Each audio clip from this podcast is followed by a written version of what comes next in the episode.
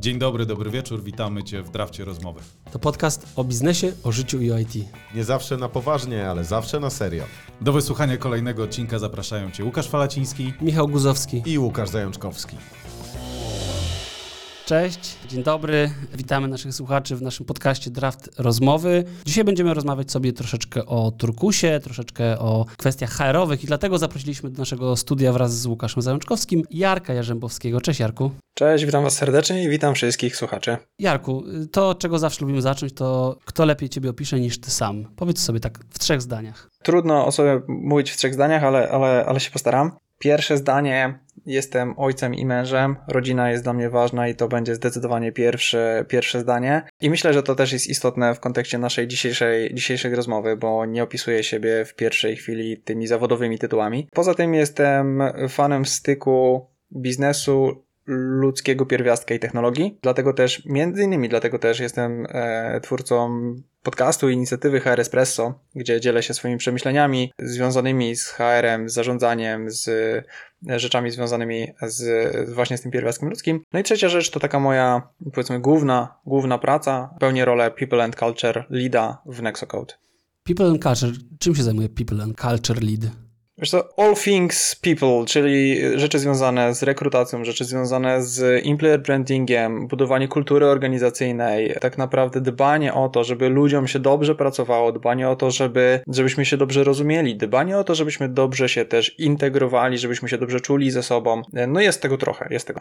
Dzisiejszy odcinek jest poświęcony Turkusowi, więc muszę to zadać. Czy używacie w Nexocode Turkusu? Tak, przynajmniej w, w ogóle powiedzenie używamy Turkusu jest dla mnie trudne, bo, bo Turkus jest skalą, natomiast zdecydowanie uważamy się za firmę turkusową, staramy się być firmą turkusową. E, na pewno gdzieś jesteśmy na drodze turkusowej.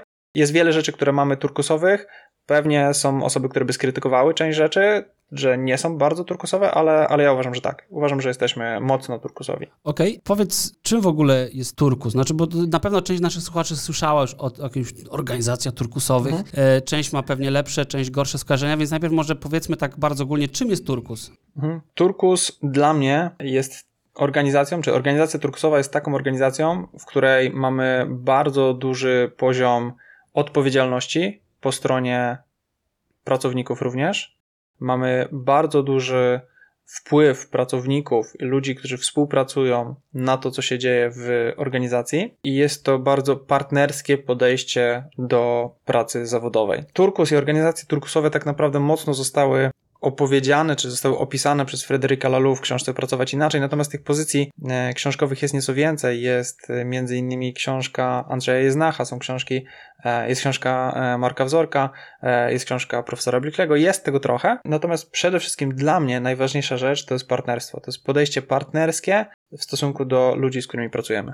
Ja mogę zadać pytanie, będę takim trochę adwokatem Strzelaj. diabła albo osobą, która ma małą wiedzę praktyczną na ten temat. Czy Turkus mhm. E, zakłada, że nie ma e, przywódcy, nie ma osoby zarządzającej.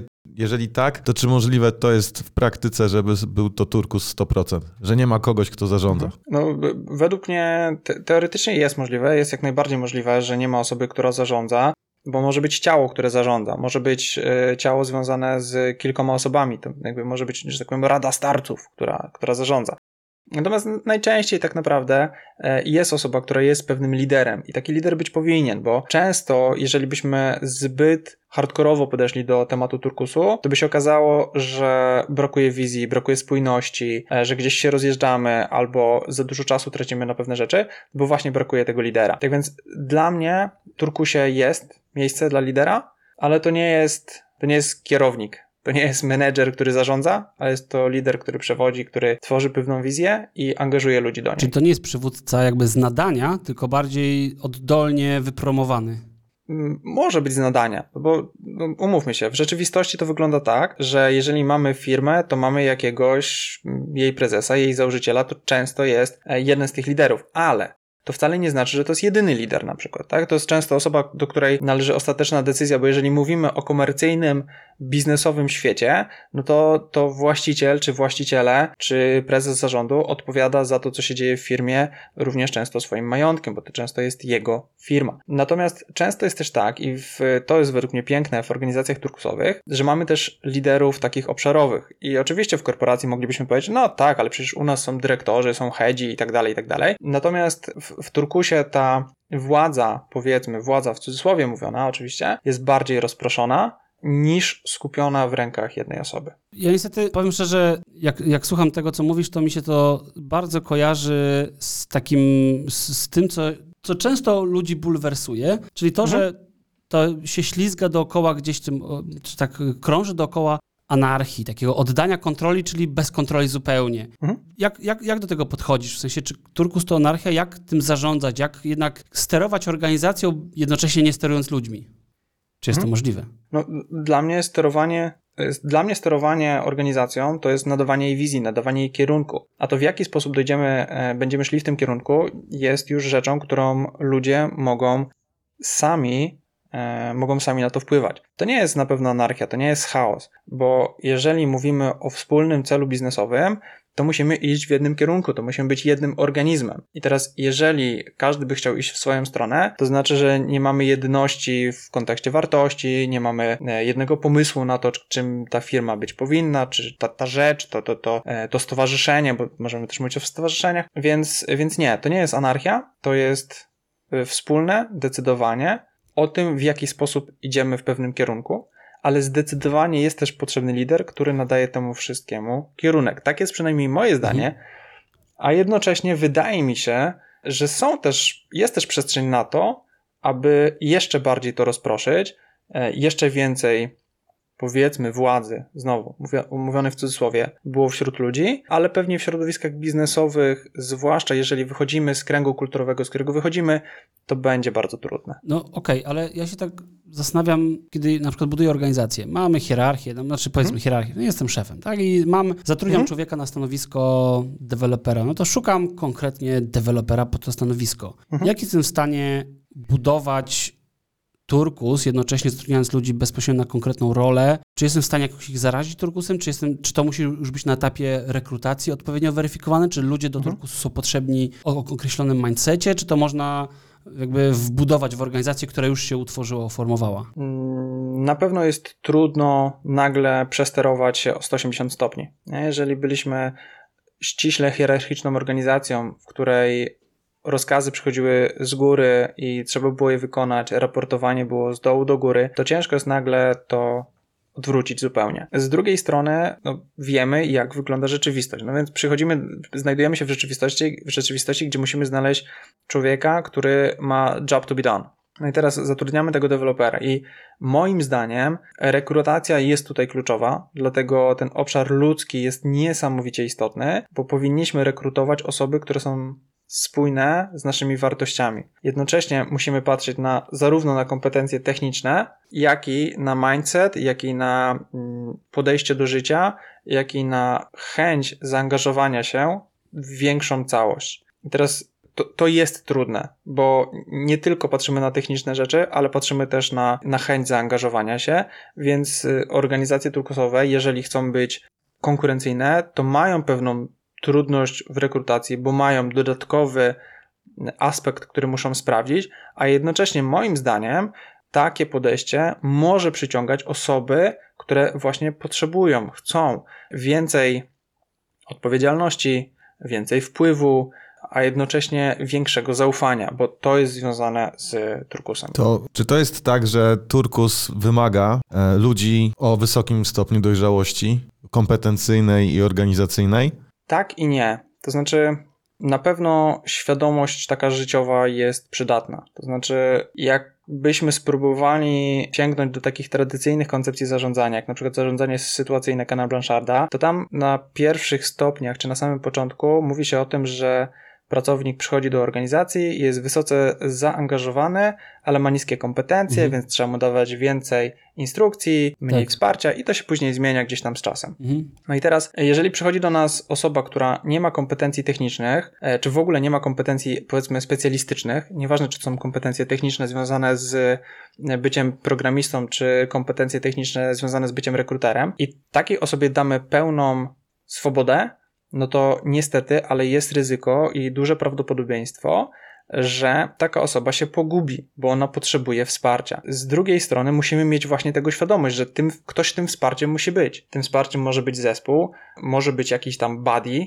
tak zwany, Mhm. ale często o wiele lepszym podejściem jest faktycznie szukanie osób, które już są w jakiś sposób uformowane Mhm. Nie potrzebują niańki. Mhm. A, a propos Kena Blancharda, ja wiem, kojarzę ten wykres, o którym mówisz i tak się zastanawiam na tym, czy właściwie turkus to jest jakby, jak wchodzi do, osoba do organizacji, to ona już powinna być turkusowa, czy da się ją na przestrzeni właśnie tego, wiesz, wspierania, jak na początku powiedziałeś, że mało wsparcia, dużo instrukcji, potem mamy dużo instrukcji, dużo wsparcia i tak dalej, to czy ten turkus się zaczyna w pewnym momencie już jak właśnie na przykład raczej tylko wspieramy i mało instruujemy, czy zupełnie to już jest taka pełna, pełne mm, zaufanie i oddelegowanie zadań tej osobie? No nie, według mnie turkus to jest skala. Ja, tak jak powiedziałem gdzieś tam na samym początku, według mnie turkus to jest skala, której się, po której się poruszamy. I mogę sobie w 100% wyobrazić osobę, która wychodzi z bardzo hierarchicznych struktur. Omówmy się, każdy z nas wychodzi z hierarchicznych struktur, chociażby szkolnych i związanych z uczelniami wyższymi, więc mamy doświadczenie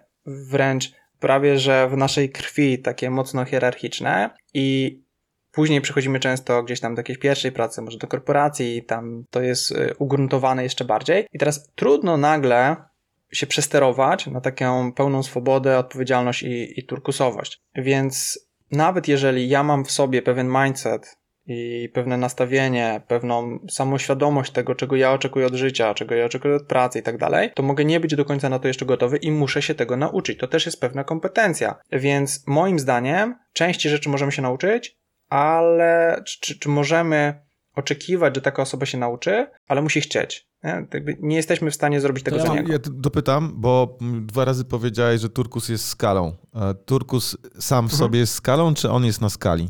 Bo ja na przykład znam tę definicję, że są style Mhm. zarządzania, Tak. że to jest turkusowa organizacja, to jest, reprezentu- reprezentujesz tak jak te inne kolory, może też powinniśmy powiedzieć za chwilę, Mhm. jakie one są, bo Tak. turkus nie jest oderwany, ale moje pytanie jest takie, czy dla ciebie turkus jest skalą samą w sobie, czy turkus Mhm. jest na skali? Wiesz, do czego zmierzam? Wiem, wiem co chodzi.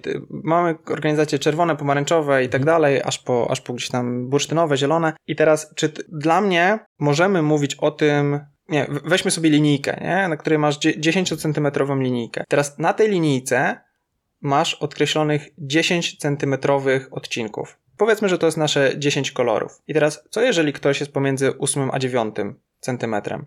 To on jest bardziej 8 czy bardziej 9? No on jest gdzieś tam pomiędzy. Więc możemy się umówić, że w pewnym momencie już jesteśmy zdecydowanie, no jesteśmy turkusową, ale na tej turkusowości też można być bardziej turkusowym lub mniej turkusowym. Tak jest moim zdaniem, ale oczywiście pewnie jest wiele osób, które się Okej, z tym nie czyli turkus sam w sobie jest też skalowalny, ale jest na większej skali tych Tak. wszystkich kolorów. A można mieszać Moim zdaniem tak. Czy twoim zdaniem jest możliwe mieszanie kolorów w ramach jednej organizacji?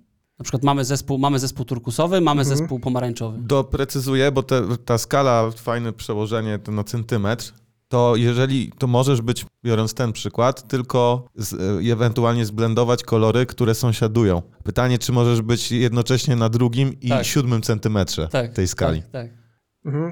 To na pewno jest trudne, ale według mnie w pewnym sensie jest wykonalne. To znaczy nie w pełni, nie w pełni, ale w pewnym sensie wykonalne. Ja postaram się tutaj pokazać to na moim przykładzie. Ja wszedłem z korporacji hierarchicznej. W ogóle swoją drogą to była dziwna, dziwna droga, bo to była firma, do której kiedy ja dołączyłem, to ona była bardzo takim startupowym flow i vibem i bardzo partnerska, gdzie, gdzie z zarządem było się na cześć i rozmawiało się o wszystkim. Później, i to nie jest dlatego, że nie było to związane z rozwojem firmy, ale później się pozmieniały pewne osoby i nagle zmieniła się też hierarchia, znaczy pojawiła się taka realna hierarchia, mimo że ona już wcześniej była, to ona zaczęła być namacalna, zaczęła być odczuwalna. Pojawiła się bardzo mocna decyzyjność u góry, kaskadowana w dół i tak dalej, i tak dalej. I widać było, jak w korporacji w niektórych pionach to jest mocniejsze, a w innych jest słabsze. Znaczy w niektórych jest bardziej partycypacyjne podejście do e, funkcjonowania, na przykład w dziale HR w pewnym momencie, niż w dziale operacyjnym. I teraz nawet to biorąc pod uwagę, to ja w pewnym momencie miałem zespół. Miałem zespół, którym zarządzałem, co oznacza, co samo w sobie już jest mocno nieturkusowe, no ale ja starałem się to robić w sposób jak najbardziej partycypacyjny, jak najbardziej właśnie turkusowy. Między innymi poprzez e, rozmawianie z ludźmi, poprzez dawanie im tyle przestrzeni, ile tylko mogę. Więc czy to była turkusowość? Nie, ale to były elementy turkusowe, które były wykorzystywane, powiedzmy, bursztynowej czy jakiejkolwiek innej rzeczywistości. Tak więc moim zdaniem możemy wykorzystywać turkusowe elementy w innych kolorach czy w innych e, sytuacjach organizacyjnych. Bo to się wiąże też z silosami. E, jest taka teoria tak. silosów w organizacji, że to po prostu zamknięte obszary w organizacji, zwykle to są grupy osób, które mają swoje cele, niekoniecznie zbieżne z organizacją czy z celami innych grup. I w tych silosach może się wytworzyć ekosystem o innych barwach zupełnie. Tak, to... Albo mamy jeszcze nawet taki model holokracji, który zakłada, że ty możesz brać udział w różnych zespołach i każdy zespół może być w innym mhm. kolorze. Mhm. To jest w ogóle, wiesz. I masz taką schizofrenię kolorystyczną. Tak, tak. i jest krótka droga do szpitala psychiatrycznego. No. Tak. No, dla, dlatego to wszystko powinno iść w jednym kierunku. Natomiast holakracja według mnie jest dosyć sensownym podejściem, jeżeli je, idzie jednym sztandarem. To znaczy, jeżeli idzie jednym schematem organizacyjnym, bo ciężko jest być i, to jest mega wyniszczające i mega męczące, jeżeli y, żyjemy jednocześnie w kulturze czerwonej i jednocześnie, czyli na przykład mamy mikrozarządzającego szefa, ale my chcemy dawać wiele przestrzeni naszym ludziom. To, to, to jest bardzo ciężkie, bo wielu rzeczy nie możemy zrobić i, i tak jak mówisz, jest to często droga do szpitala psychiatrycznego, w cudzysłowie oczywiście znowu mówiąc. Natomiast holakracja może być sensowna, jeżeli mamy oś firmy, którą jest na przykład turkus. No ja powiem szczerze, akurat kiedyś byłem zachwycony holokracją, potem jakoś tak z czasem wyrobiłem sobie zdanie i ja jestem średnim zwolennikiem holokracji, właśnie dlatego, że główne założenie, że człowiek może brać udział w różnych zespołach na różnych rolach, nie do końca do mnie przemawia. Jakby tak widzę, że operacyjnie człowiek jest dużo lepszy, jeżeli zaczyna dane zadanie wykonywać więcej, częściej. Chociaż też nie uznaję, że nie uważam, że z, brak zmian jest, jest czymś złym. Jakby stawianie się w różnych rolach mhm. jest ok, ale gdzieś tak holokracja to narzuca trochę. Ale to dobra, nie o holokracji mamy rozmawiać. Ja chciałem zapytać o jedną rzecz, bo Mhm. Tak jak mówiliśmy, ten turkus wymaga dojrzałości pewnej. I w Polsce tak. z kolei znam wiele firm, które miały podejście turkusowe, potem finalnie z niego wychodziły. I mam w związku z tym dwa pytania. Czy to jest tak, że każda firma jak wraz ze wzrostem przez, jakby nie, przestaje być turkusowa, bo turkus jest tylko dla małych, zwinnych startupów. I drugie pytanie, czy to jest może kwestia polska, że po prostu Polacy nie umieją być tacy, nie jesteśmy jako, jako naród dojrzałymi menadżerami jeszcze. Mhm. Myślę, że to nie jest tak, że tylko mała organizacja może być płaska. To znaczy, małej organizacji na pewno jest pod pewnymi względami być łatwiej być płaską, łatwiej być turkusową, no ale mamy przykłady ze świata, jest Zapos, e, jest Valve. To, to są duże firmy, które osiągały też niesamowite rzeczy i były mocno turkusowe. Czy, też, czy, czy, były w pełni turkusowe, czy są w pełni turkusowe, to są też rzeczy, yy, powiedzmy, że wtórne, no, ale być, pewne nie? turkusowe elementy, tak, ale jakby są rzeczy, które, które były, yy, były mocno mhm. turkusowe. Mhm. I teraz turkus w pewnych rzeczach na pewno może przeszkadzać. I na pewno może przeszkadzać w szybkim skalowaniu organizacji. To jestem przekonany o, to, o tym. Natomiast moim zdaniem to jest sposób na to, żeby iść wspólnie i iść daleko, ale może niekoniecznie tak bardzo szybko, jak będą szły organizacje hierarchiczne. I druga rzecz, o której wspomniałeś, o której wspomniałeś w swoim pytaniu, to czy jesteśmy do, dość doświadczonymi menedżerami? No myślę, że mamy pewien bagaż doświadczeń, który wyciągnęliśmy i który się za nami, który za nami idzie cały czas. E, I teraz za tymi ludźmi, którzy może nawet nie pamiętają gdzieś tam czasu PRL-u i tak dalej, ja nie pamiętam, ale to wszystko gdzieś tam siedzi, bo, bo była szkoła, studia, które są mocno hierarchiczne i tak dalej, i tak dalej. E, I to wszystko wpływa na nasze decyzje, na nasze podejście do życia, na nasze podejście zawodowe i tak dalej, i tak dalej. Ale są plusy i minusy bycia turkusowym, to na pewno. Okay, to, to za, zaraz te plusy i minusy jeszcze dopytam, ale mhm. tak, e, żeby to wbić może szpilka, może nie. Czy uważasz, że Polacy są dobrymi menedżerami? Uważam, że są Polacy, którzy są dobrymi menedżerami, uważam, że są Polacy, którzy nie są dobrymi menedżerami. Okay. Dyplomatyczne wyjście z sytuacji. Wiesz, to, no bo no, to, to, byłoby stereotypizowanie straszne, czy Polacy są dobrymi menedżerami. Tak. No, Polaków jest 38 milionów, powiedzmy, plus minus. Tego część e, zarządza, gdzieś mniej lub bardziej. I teraz, e, czy Polacy są dobrymi ojcami? Mhm. No, ciężko powiedzieć. Niektórzy są, niektórzy nie są. Jasne. E, no dobra, a wspominałeś o wadach, zaletach turkusu, to może rozwinij trochę tą, e, tą odpowiedź. Mhm. No, pewną wadą, bo od tego zacznijmy, e, bo, bo, bo, nie jest tak, że jestem ultra gloryfikatorem. Pewną wadą na pewno jest trudność, czy większa trudność we wprowadzaniu zmian. No bo jeżeli ja jestem właścicielem firmy i sobie coś wymyślę, to mogę to po prostu zadekretować i zmienić. A teraz, jeżeli chcę podchodzić do firmy w sposób turkusowy, no to powinienem podejść po partnersku. Tylko, że wtedy będzie trudniej to wdrażać. I tak samo, jeżeli mamy szybkie skalowanie firmy, to trzeba robić szybkie zwroty, to trzeba szybko ludzi zatrudniać, szybkie decyzje podejmować i to również nie do końca zawsze będzie domena turkusu, bo jeżeli mamy zwłaszcza taki niedojrzały turkus, gdzie nie wiemy jak podejmować decyzje, nie mamy jakichś tam mechanizmów podejmowania decyzji wdrożonych, no to będzie nam je y, ciężko podejmować wspólnie. Też może nie miejsce do końca na to, ale popatrzmy na y, naszą polską politykę. Nie? Jakby tam, gdzie mamy silnego lidera, tam decyzje są podejmowane bardzo szybko, efekt jest osiągany, tylko czy to jest dobry efekt, już każdy niech sobie odpowie. No mi się Turkus taki z definicji idealny jawi jako grupa osób, które mają, taki jest group mind wytworzony, że działają jak jeden mózg, jeden organizm. Co wiemy, że no jest praktycznie niemożliwe, żeby po, nagle mhm. mieć to samo zdanie, podjąć tę samą decyzję jeszcze w sposób najlepiej niedyskutowalny. Każdy w tym samym momencie pomyślał o tym samym i wszyscy zrobili tak samo. No to prawie praktycznie się nie da. Ja w improwizacji, jak są grupy, to one bardzo dużo pracują na tym i ja byłem świadkiem grupie mojej teatralnej, że po paru latach myśleliśmy w identyczny sposób na scenie i nie umiesz tego wyjaśnić. To się dzieje, bo tyle ze sobą przebywasz, bo masz jeden cel, wszyscy działają na wspólne dobro, nie myślisz o sobie, tylko o grupie. No ale jak trzeba jakąś decyzję podjąć sprawnie, to jednak jest ryzyko, że nie kliknie to od razu, że będzie ta inercja, dogadywanie, tak, przekonywanie, że to... Mówimy trochę dla mnie taki turkus, turkus to jest idealny świat, idylla nie, nie do zrobienia, bo to fajnie na papierze brzmi, że to moim zdaniem na skali to możesz być 9,5 cm, ale 10 cm jest praktycznie nie, nie, do osiągnięcia. No tak, niektórzy mają skalę do 16 cm.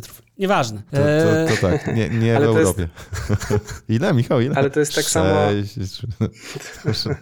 To jest tak samo jak, jak w ogóle z dążeniem do ideałów, nie? Czy możemy być idealni? Nie, ale czy dążyć możemy do ideałów? Zdecydowanie i powinniśmy. Tak samo jest gdzieś tam. Tylko przepraszam, z... wejdę ci w słowo. Czy to, mhm. czy to jest ideał?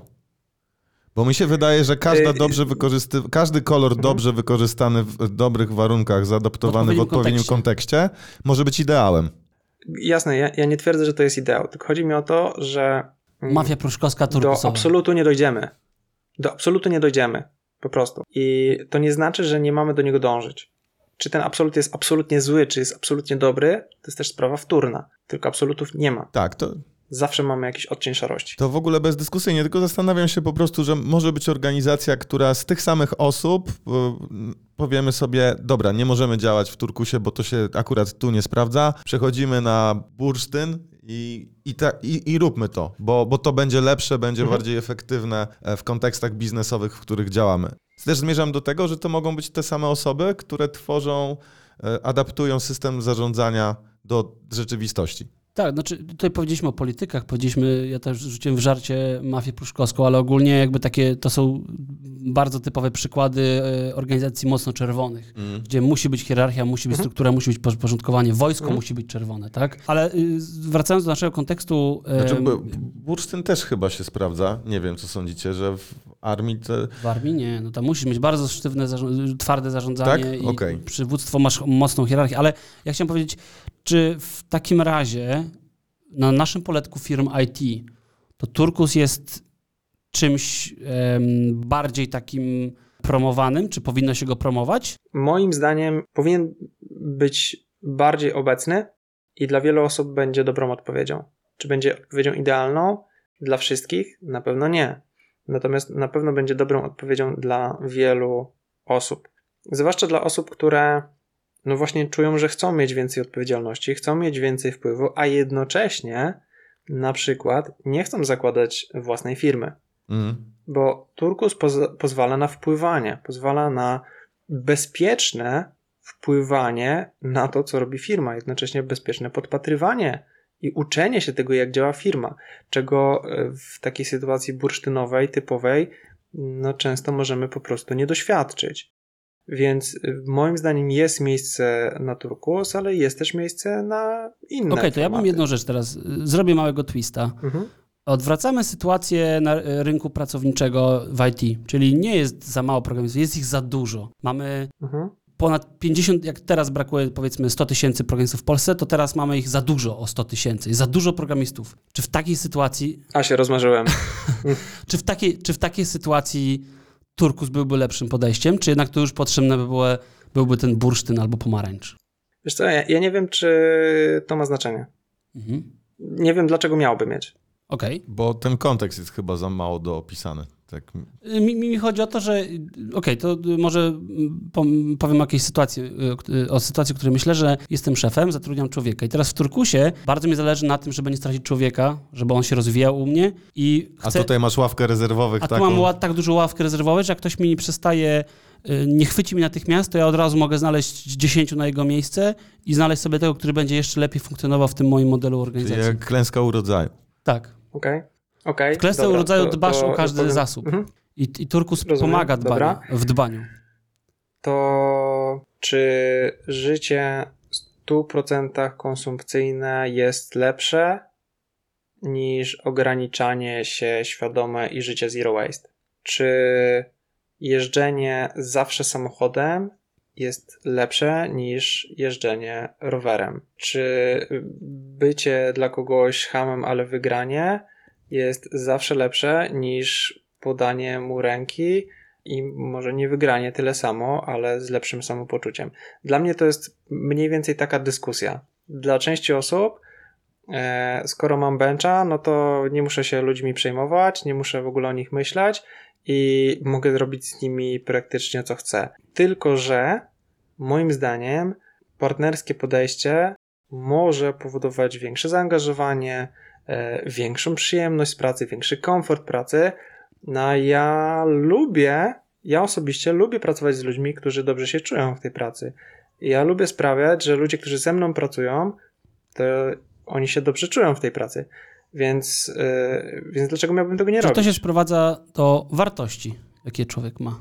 Myślę, że tak. Okej, to jeszcze wrzucę jeden temat, który dla mnie e, ściśle się łączy z Turkusem, mianowicie ego. Nie wiem, czy jakie masz przemyślenia. Tak rzucone hasło specjalnie nie, nie mówię więcej, bo temat jest dość szeroki, też nie chcę tezy żadnej.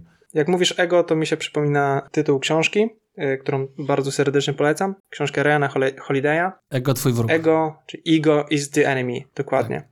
No, i, no i właśnie bardzo mocno e, ze mną rezonuje to, co Ryan Holiday pisze w swoich ostatnich książkach, może niekoniecznie w pierwszych, ale w ostatnich kilku książkach i w ogóle stoickie podejście. To mocno promuje. Więc ego może nam się wydawać, że czasami jest konieczne, potrzebne i tak dalej, i tak dalej.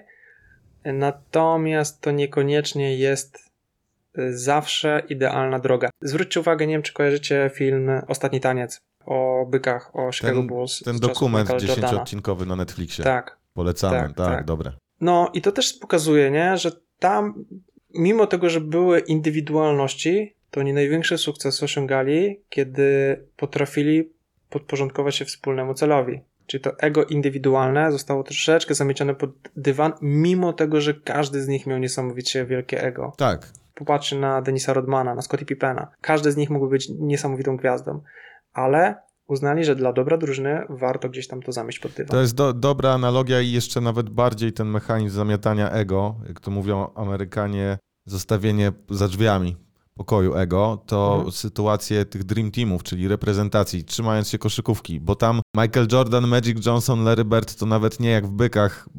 Michael jednak miał Scottiego Pippena, Denisa Rodmana, ale reszta to nie byli, to byli wybitni sportowcy, ale teraz Mhm. zebraliśmy najlepszych ze wszystkich drużyn i masz 10 najlepszych na świecie i każdy jest już ego pod sufit i musisz je wyrzucić, bo tam każdy mógłby zdobywać 100 punktów, ale tak się nie da. I, i bardzo dużo ta cała kultura trenerska reprezentacji Stanów Zjednoczonych, ten All American program, to oni bardzo dużo men- mentorują, żeby zostawić ego. Tu jesteśmy reprezentacją czegoś większego i nie chodzi o twoje imię i nazwisko. To to jest dobry przykład. No to idąc, da- idąc dalej za tą analogią, zobaczmy, co się, da, y, co się zaczęło dziać dalej. Po Dream Teamie, tym powiedzmy oryginalnym, właśnie o którym mówisz, Magic Johnson, Michael Jordan, y, Larry Bird, to, to po nich jeszcze trochę była taka supremacja Stanów Zjednoczonych, mhm. ale ostatnie 20, no powiedzmy 15 lat, y, to już nie jest tak różowo w Stanach Zjednoczonych i nagle się okazuje, że europejskie drużyny są tak samo dobre. A dlaczego są tak samo dobre? No właśnie między innymi dlatego, że grają bardzo mocno wspólnie.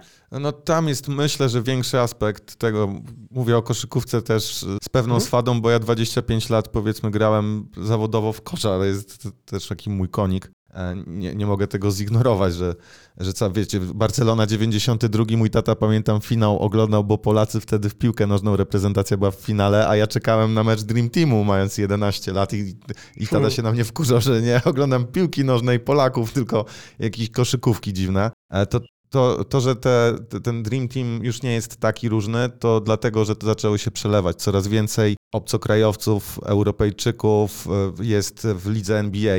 Zaczyna się ta mhm. wiedza przelewać, Też. trenują ze sobą. Kiedyś to było bardzo rozdzielone od siebie i teraz du dużo bardziej się przele przelewa po prostu ta wiedza dookoła. I fakt, że oni grają razem i Hiszpania jest świetnym przykładem, że zresztą drużyny mhm. nieraz są lepsze nie dlatego, że suma indywidualnych graczy jest tak. taka wysoka, tylko dlatego, że oni dobrze razem ze sobą grają. E, to pełna zgoda.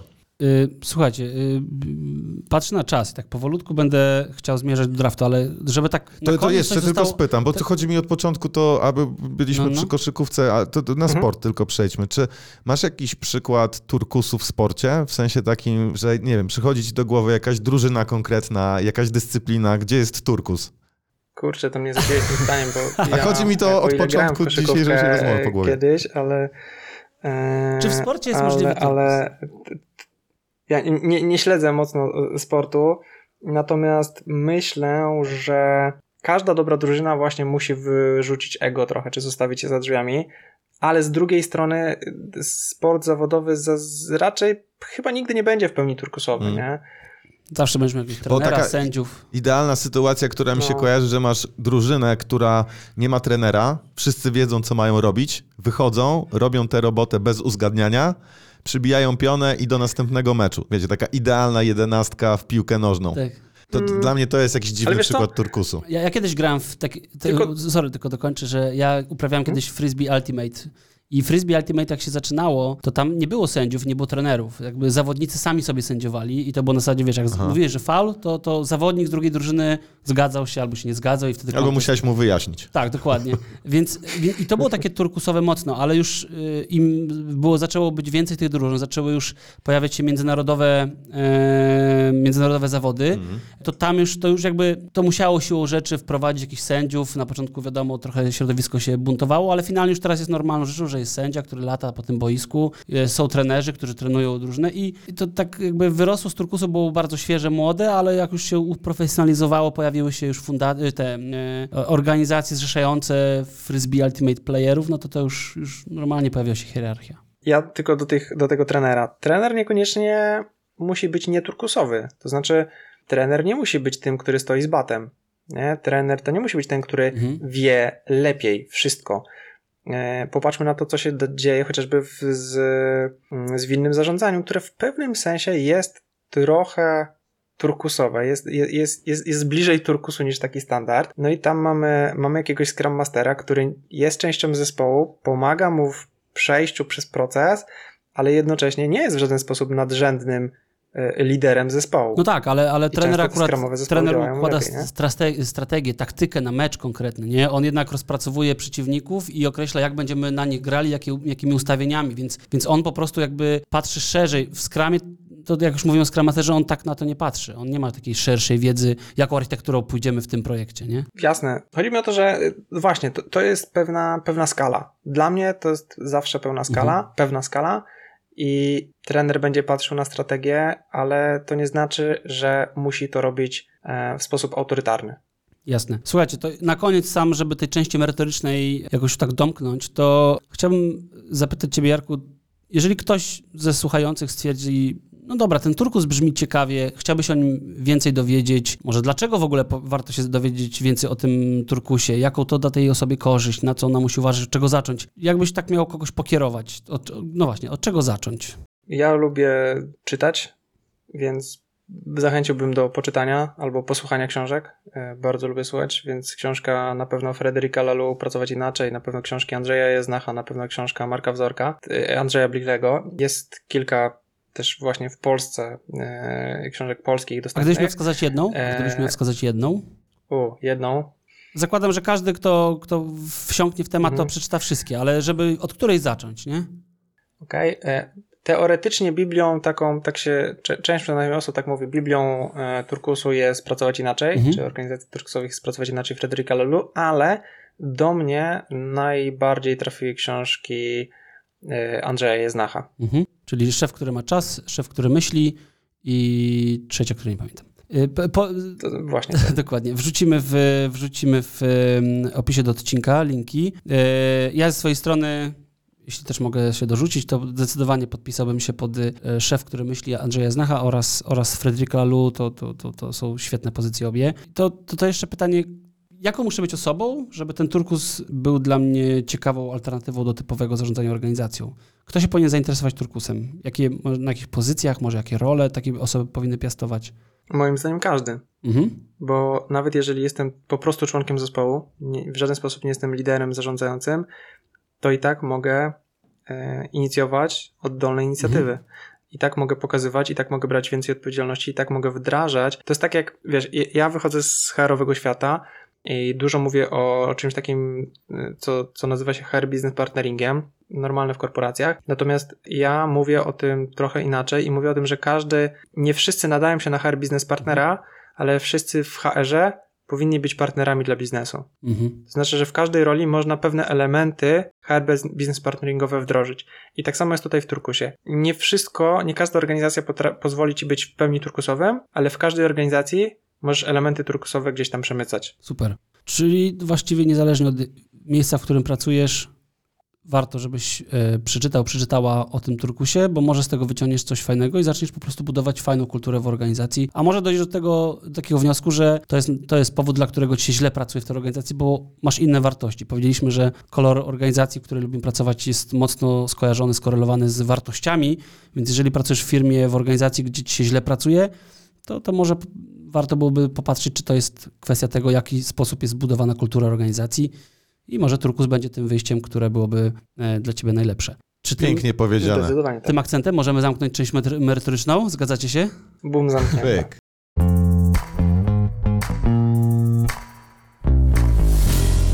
No dobra. e, Stały element naszych podcastów to jest draft, e, część dużo bardziej na luźno. Dzisiaj chcielibyśmy A tamta miała być na poważnie. Kurde. No okej, to musimy jeszcze raz nagrać. E, w każdym razie, e, mówiłem ci Jarka nie zapraszać. Dobra, ale co zrobimy? Słuchajcie, pomyśleliśmy na początku, że fajnie byłoby w tym drafcie znaleźć, e, znaleźć e, e, jakieś fantazy firmy w kolorze turkusu, ale uznaliśmy, że to jest niewykonalne i dużo łatwiej będzie zrobić sobie lekki twist. Mianowicie e, cel na dzisiaj jest znaleźć trzy organizacje z książki bądź z filmu, które są przykładem antyturkusu. Okej. I dlaczego? E, Jarku, jako nasz gość, masz prawo pierwszeństwa. Jakiego masz pierwszego pika? To, to pierwszy zdecydowanie mój faworyt i w ogóle film ulubiony, czyli Don Vito Corleone i cała mafia Corleone, czyli Ojciec Tak Chrzestny. jest. Archetyp nie turkusu. Tak jest. To wspaniałe. Zgadzamy się bez, bez, bez żadnego komentarza. To ja teraz, Tak. ja polecę z Władcy Pierścieni. Sauron. E, Na, Mm. na grubo, to on tam się nie pierdzielił. A też podoba mi się antyturkus, jakby wziąć jako silos taką armię orków e, już podczas bitwy, to oni totalnie, kurna, każdy sobie nie wiedział, co się dzieje. Tam te głowy tracili jeden po drugim, fizycznie też. I, i to mi się podobało, taka rozpierducha bez kontroli żadnej. Takie na hura latanie w grupie. Bardzo to mi się podobało. Widzę, jedziemy sztampami, ja też mam jedną sztampę i A, a, poczekajcie, poczekajcie, za- zanim, zanim, zanim twoja sztampa, to ja dla, dla fanów właśnie Władcy Pierścieni i tych, którzy e, Sau- Saurona e, może jakoś doceniają, e, albo chcą docenić, e, polecam książkę Ostatni Władca Pierścieni, czy Ostatni Władca Pierścienia, która pokazuje historię znaną nam z Władcy Pierścienia z perspektywy Saurona i z perspektywy Mordoru, która jest świetną cywilizacją i takie inne spojrzenie pokazuje książka? na to, co się mogło wydarzyć. Ojej, nie wiem. Ostatni E, Władca Pierścienia. Ale znajdziemy, nie? I Jasne, wrzucimy. wrzucimy Tak. w linki. To Tak, ja, super. Zainteresowałeś mnie, nie znałem tego. Słuchaj, to y, słuchajcie, to moja z kolei propozycja taka sztampowa, y, z zaklepie, żeby już nikt mi nie zabrał, to Imperium. No to oczywiście Lord Vader, który jest przykładem gościa, którym jak się coś nie podoba, to nawet nie musi podchodzić, żeby kogoś udusić. No to jest idealne. No. A nad nim jeszcze imperator. A dla nim jeszcze Imperator tak jest, który też miał jakieś tam prądy w rękach. On był elektryczny taki gość. Elektryczny, no. Był elektryczny. E, Dobrze, czy, czy teraz moja Tak kolej? To, to w takim razie ja troszeczkę z innej strony, czyli teraz z bajeczkami polecę, bo ja z bajkami jestem e, na co dzień. I Gumisie, a dokładnie Księciunio e, z Gumisiów, czyli Księciunio i Ogry, e, który tak, Księciunio Iktorn, dokładnie, dokładnie tak, który też pokazuje jak bardzo e, nie, złym pomysłem jest czasami takie twarde zarządzanie.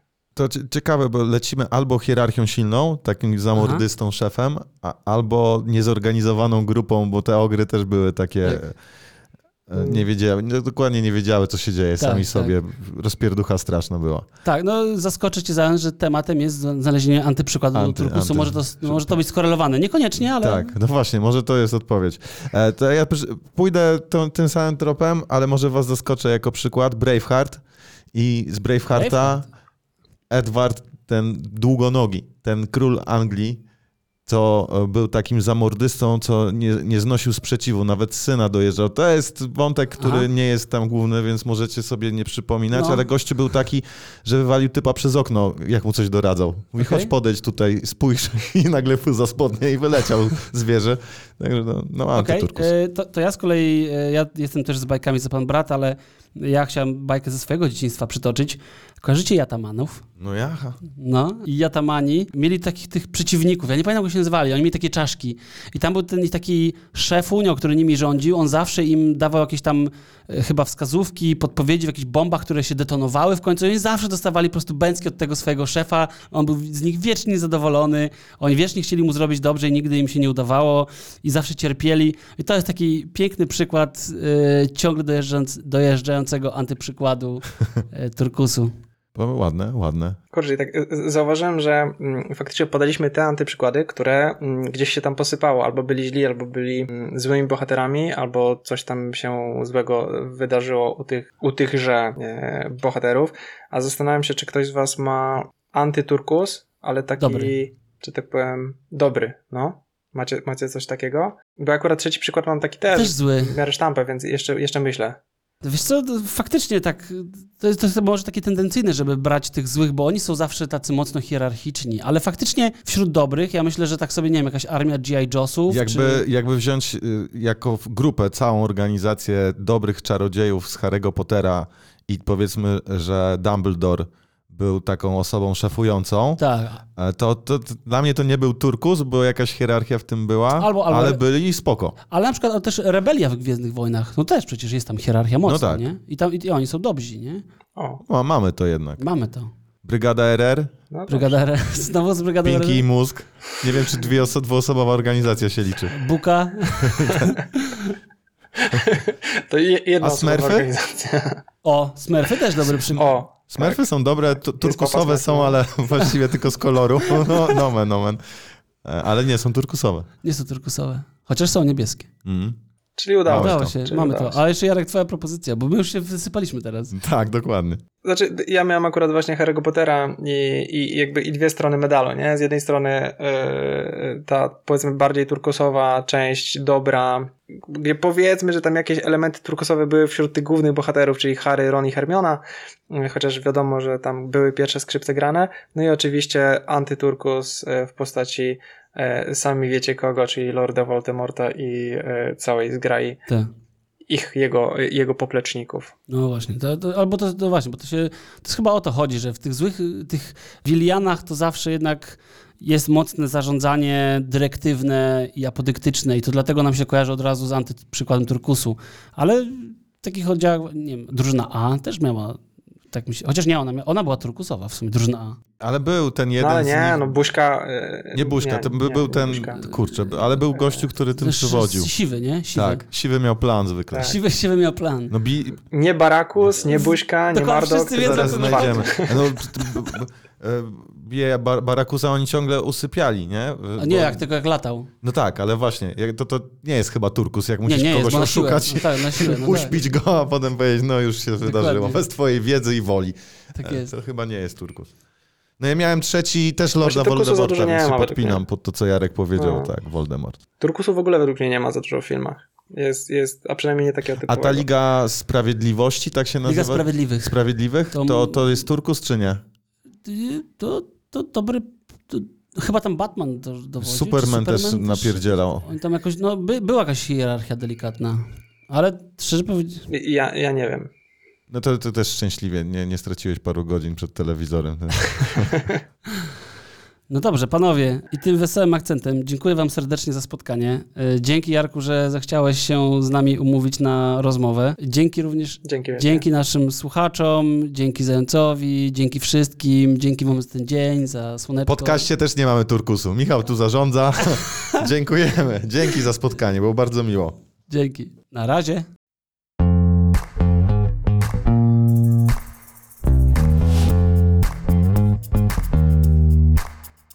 To był Draft Rozmowy. Jeśli Wam się podobało, subskrybujcie nasz podcast i nie zapomnijcie wystawić ocenę. To dla nas ważna rzecz. Motywuje do dalszej pracy i pozwala rozwijać ten podcast. A na Facebooku założyliśmy specjalną grupę, na której możecie komentować nasze przemyślenia oraz wybory w draftach. Pamiętajcie też, że poniżej znajdziecie opis tego odcinka, w nim wszystkie przydatne linki.